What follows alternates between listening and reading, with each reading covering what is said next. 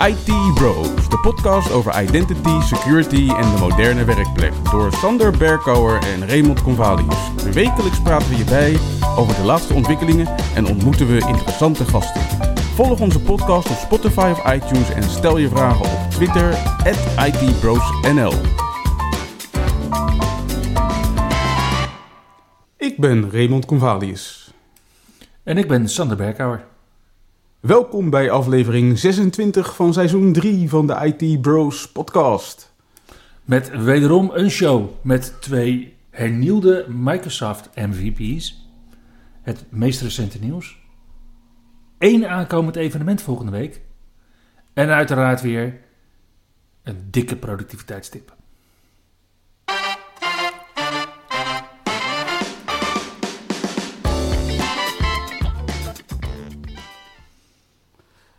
Hey Sander, gefeliciteerd.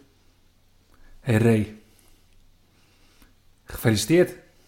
Dankjewel. We hebben weer over het afgelopen jaar vanuit Microsoft erkenning gekregen voor alle dingen die we belangeloos doen in de community. Zo ook deze podcast, die deze week uiteraard weer begint met het nieuws over Windows 11. Ja, want we zijn allebei eh, Windows en Devices for IT MVP's. En ik kan het nog nauwelijks geloven, maar ik blijf ook nog een security MVP. ik, heb, ik heb er twee gekregen dit jaar, ja. Nice. Ehm, ja, maar er was, eh, er was niet echt eh, wat in de Windows Insider channels. Nee, de Insider Channels gaven aan dat we deze week geen nieuwe builds krijgen, omdat ze druk bezig zijn allerlei stabiliteitsissues op te lossen. Misschien toch niet het meest briljante idee dat rust in de kernel. of, of denk je dat het iets anders is?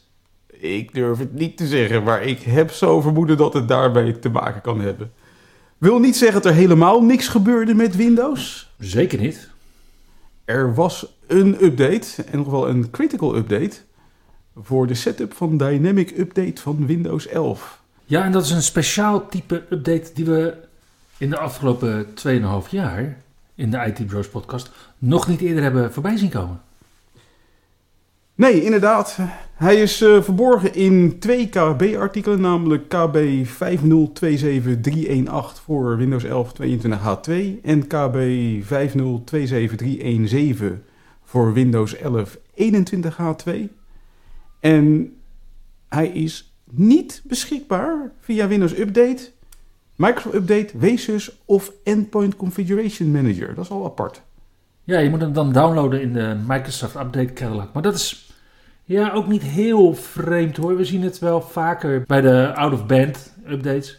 Dat je ze inderdaad dan, als het een heel specifiek probleem is, uit de Microsoft Update Catalog moet downloaden. Maar het mooie van die dynamic updates is dat ze verbeteringen in de installatiebestanden en bestanden die Windows gebruikt voor het installeren van feature updates in Windows bevatten. Ja, want die Dynamic Update, dat- wat ik begrijp, is dat het is een van de eerste stappen die wordt gezet wanneer er een feature update wordt gedaan.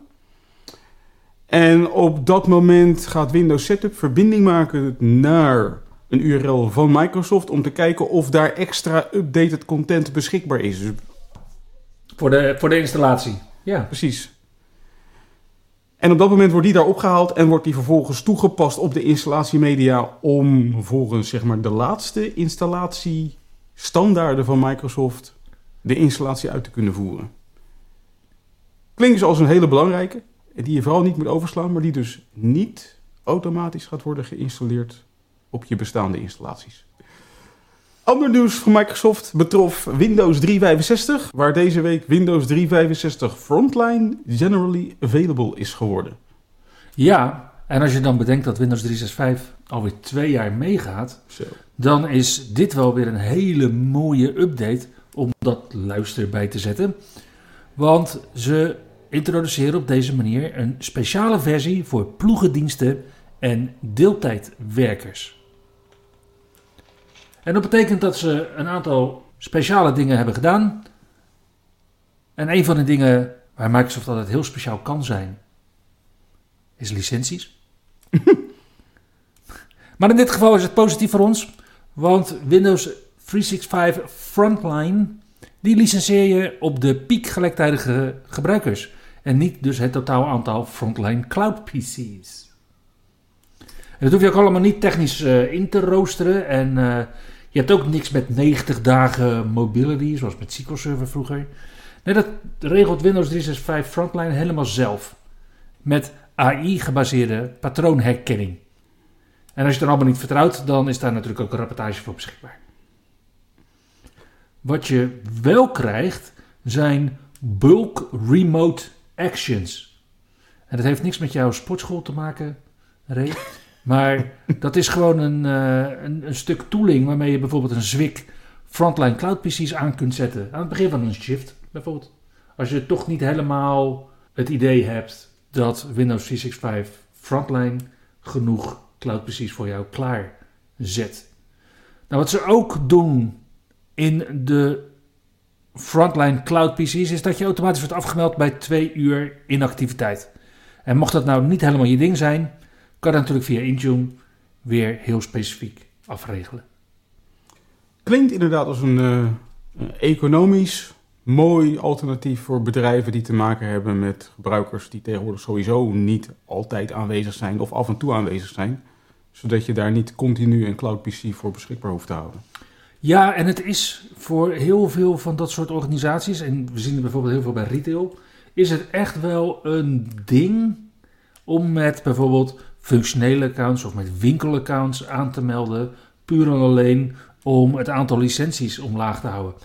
Dus met die frontline cloud PC's, als je in een fabriek werkt, in bijvoorbeeld Borden, en je hebt daar drie ploegen, die hebben ze niet, maar stel, wat zou het een mooie wereld zijn als het wel zo zou zijn, dan zou je dus maar een derde van de cloud PC's hoeven aan te schaffen. Nice. Nou, ondertussen heeft Microsoft uh, flink doorgewerkt weer aan Power Toys. Want op 5 juli kwam versie 0.71 uit van de Power Toys, beschikbaar voor Windows 10 en Windows 11. Deze keer geen nieuwe features, maar wel heel veel verbeteringen en bugfixes. Waarbij onder andere de settings app, althans in de titelbalk, volledig Windows 11 fluent is geworden. Nice. Ja, en deze week was uh, stormachtig, kan je wel zeggen. Met de storm Poly, de zwaarste zomerstorm ever. Ja, laten we het even over het weer hebben. ja, het blijft natuurlijk een podcast. We kunnen het altijd nog over het weer hebben. Ja, maar ja, als zelfs Azure het niet trekt met een storm, dan wordt het natuurlijk wel bijzonder. storm, storm, storm. Katrina, dat was een storm. Nou, dit was er ook wel eentje hoor. Dit was, uh, het was drastisch. Ik, ik heb naar buiten zitten kijken en ik heb wel even bedacht van...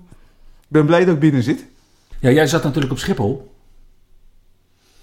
En ik was in Kruiningen in Zeeland. Zo. En daar scheen de zon gewoon om twee uur alweer. Ja, nou, op Schiphol niet. De takken en de bladeren kwamen me nog net niet om de oren waaien. En dat bleek nogal desastreus te zijn voor de dienstverlening van Microsoft. Want in de loop van de dag begonnen er problemen te ontstaan. En die bleken te maken te hebben met een glasvezel tussen de twee datacenters van Microsoft. Waardoor er volgens Microsoft packet drops, timeouts en hogere latencies konden ontstaan. En bij mijzelf leidde het ertoe dat ik ja, eigenlijk tijdens die storing dacht nog even een domein te kunnen toevoegen aan mijn tenant. maar dat werd hem niet. Ik had alle rechten, maar ik kreeg geen optie om een domein toe te voegen aan mijn tenant. Ja, dat zie je natuurlijk wel bij platform a service diensten. Dat het behoorlijk ondoorzichtig is vanaf het portal wat je hebt en wat je kunt doen. En als die het dan ineens niet doet, dan kan dat er best wel eens voor zorgen dat je aan jezelf begint te twijfelen. Inderdaad. nou, dat gebeurde mij dus ook gisteren. Dat ik echt vier keer heb gecontroleerd van ben ik echt wel global admin in mijn tenant? En waarom kan ik nu geen domein toevoegen? Maar dat, uh, ja, optie was gewoon even niet beschikbaar. En dat terwijl er echt heel veel nieuwe opties beschikbaar zijn in Azure AD.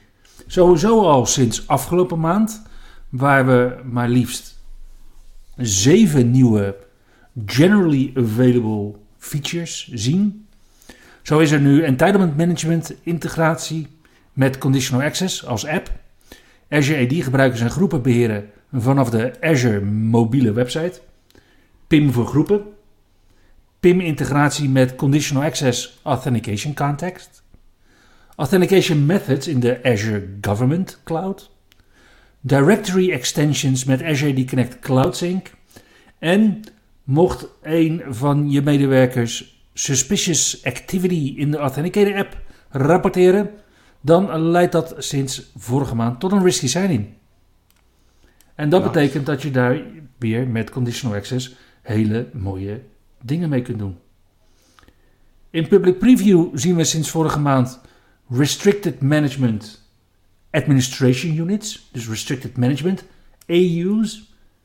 En mocht je nou afvragen wat een AU ook alweer doet in Azure AD, dan kun je daarmee bepaalde gedelegeerde beheerders nog eens verder restricteren tot alleen een bepaalde groep gebruikers en een bepaalde groep groepen. En die bundel je dan in een administrative unit en dan kun je daar dat soort fijnmazige delegatie op toepassen. Nou, het mooie van restricted management AU's is dat je nu ook dus AU's kunt hebben waarbij je de hoofdadmin kunt buitensluiten. Oh, nice. Want de hoofdadmin blijft bij een normale EU natuurlijk gewoon nog steeds beheerder.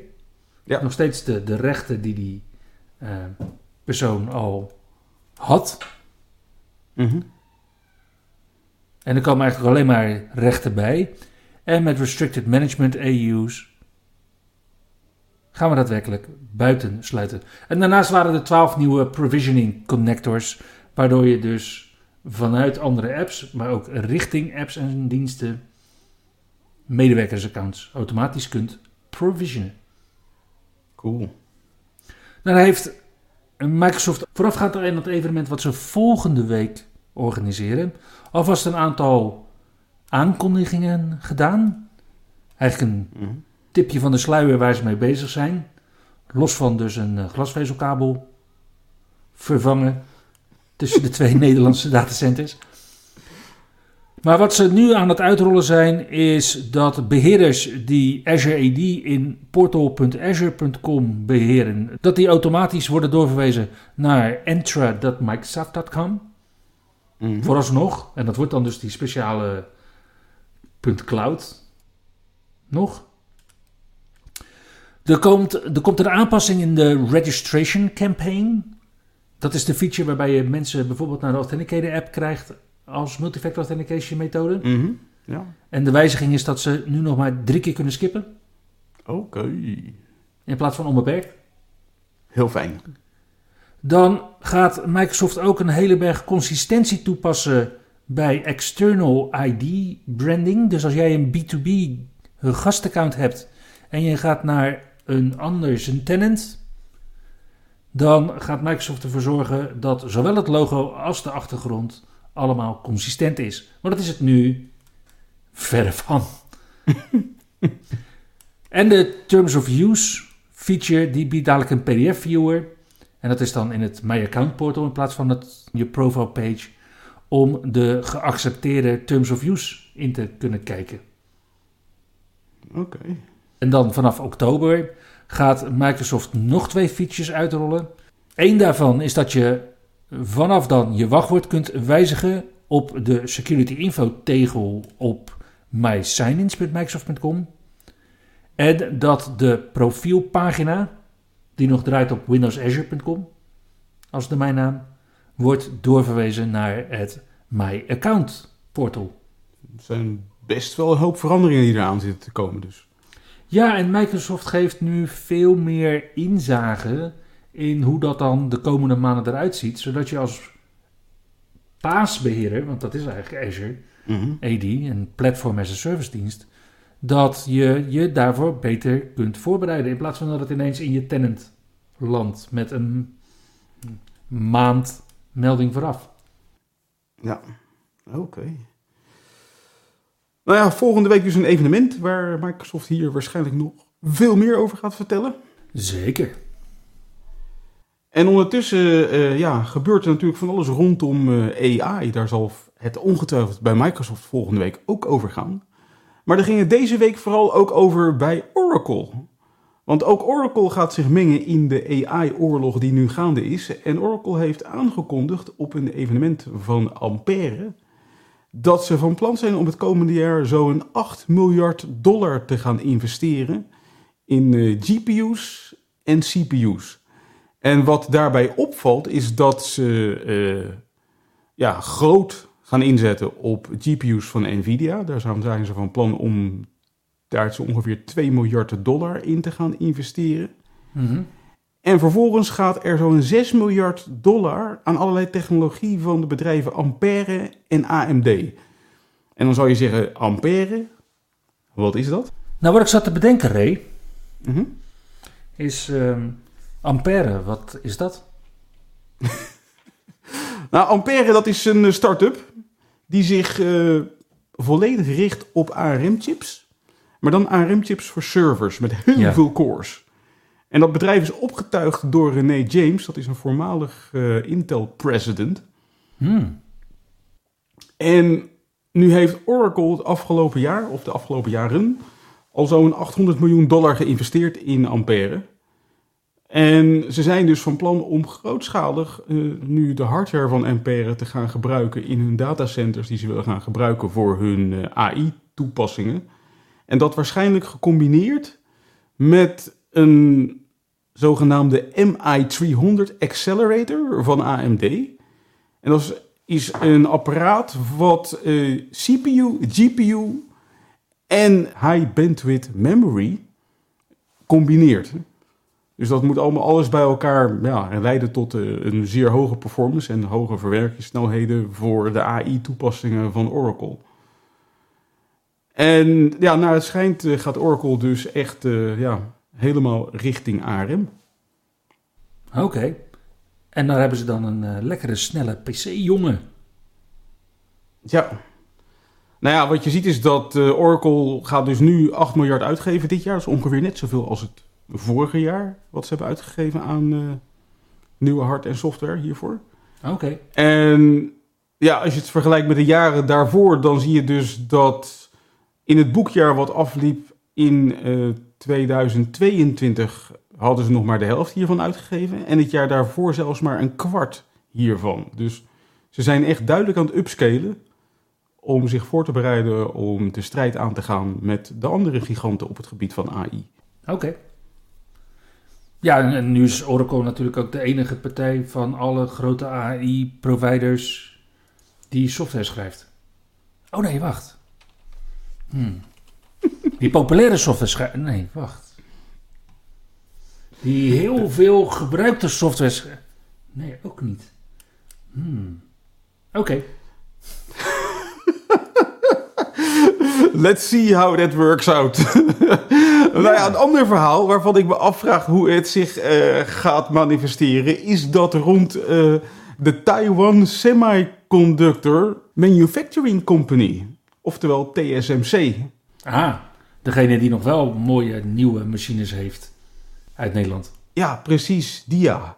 En eh, sinds 29 juni vermeldt Lockbit op haar website dat ze TSMC grootschalig hebben gehackt. En ze hebben een live tweet gedaan waarbij ze onder andere screenshots hebben laten zien waarbij ze tonen dat ze beschikken over grootschalige toegang tot het interne netwerk en data van TSMC. Nou, dat klinkt eh, redelijk eh, serieus. Ja. Het wordt nog serieuzer als je bedenkt dat Lockbit eh, dreigt om de gestolen data openbaar te maken en dat ze van TSMC een losgeldsom verwachten van circa 70 miljoen dollar. Hmm. En daarmee worden zo'n beetje alle records wat betreft losgeld gebroken. Ondertussen is er uiteraard aan TSMC gevraagd van wat is hier nou helemaal aan de hand? Ja. En volgens TSMC wordt de soep niet zo heet gegeten, want is niet TSMC gehackt, maar is een toeleverancier geheten Kinmax gehackt. En Kinmax, ondanks dat wij er waarschijnlijk nog nooit van hebben gehoord, schijnt ook best wel een grote jongen te zijn die gespecialiseerd is in networking, cloud computing, storage, security en database management. En leveren ze behalve diensten aan TSMC ook de diensten aan Nvidia, HPE, Cisco, Microsoft, Citrix en VMware. Klinkt nog een stukje serieuzer.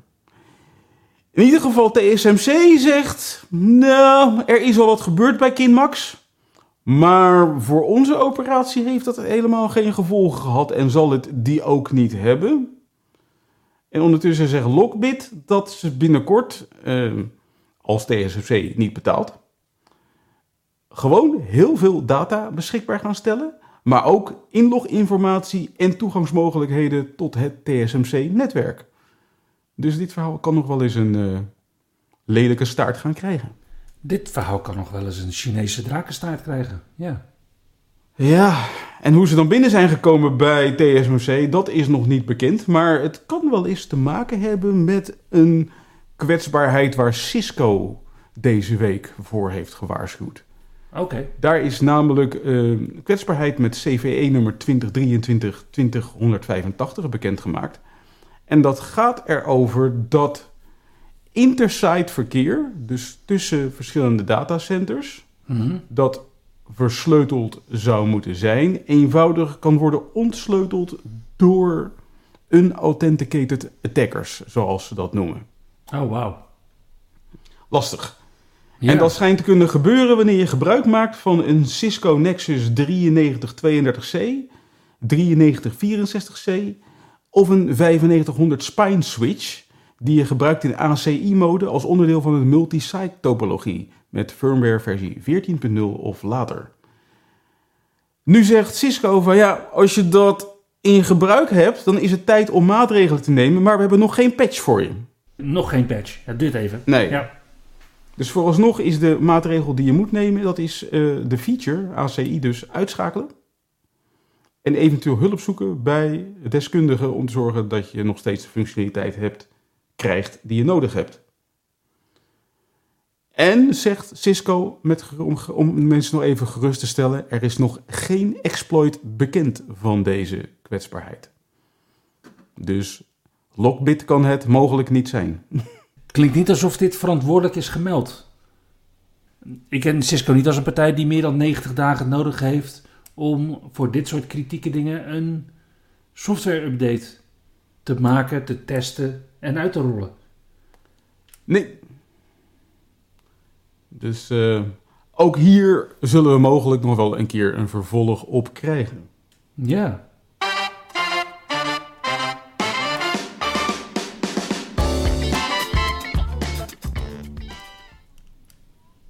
Voor volgende week zien we één gepland evenement. Op dinsdag 11 juli 2023 van 6 uur s avonds tot half acht onze tijd. En dat is nog 's ochtends in Redmond. Biedt Microsoft een grote goochelshow waarin ze de boodschappen willen uitdragen: Reimagine Secure Access with Microsoft Entra. En als we dan kijken naar de namen van de personen die presenteren, dan zien we daar Vasu Yakal, en zij is Corporate Vice President for Security bij Microsoft. Joy Chick, en zij is President van Identity and Access. En Sinedo Donovan, en zij is de Vice President van Productivity. En wat zij in anderhalf uur gaan presenteren, moet eigenlijk wel heel speciaal zijn.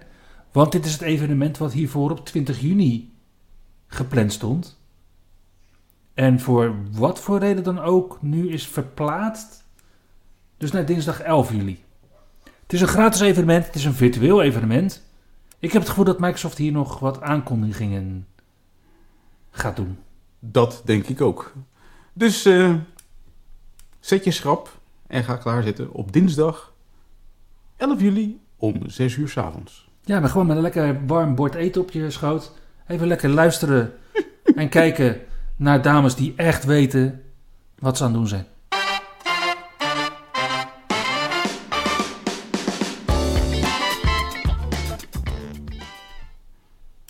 Hey Ray, wat is de productiviteitstip voor deze week?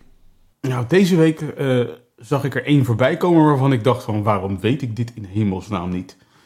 Blijkt namelijk dat je in Twitter heel makkelijk een overzicht kan krijgen van alle shortcuts in Twitter.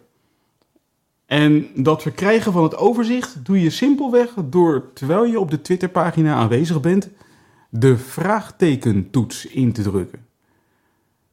En vervolgens krijg je een overzicht te zien met alle keyboard shortcuts voor Twitter. Mhm. En er zitten echt een aantal hele handige tussen, die ik ook echt nog nooit had gezien.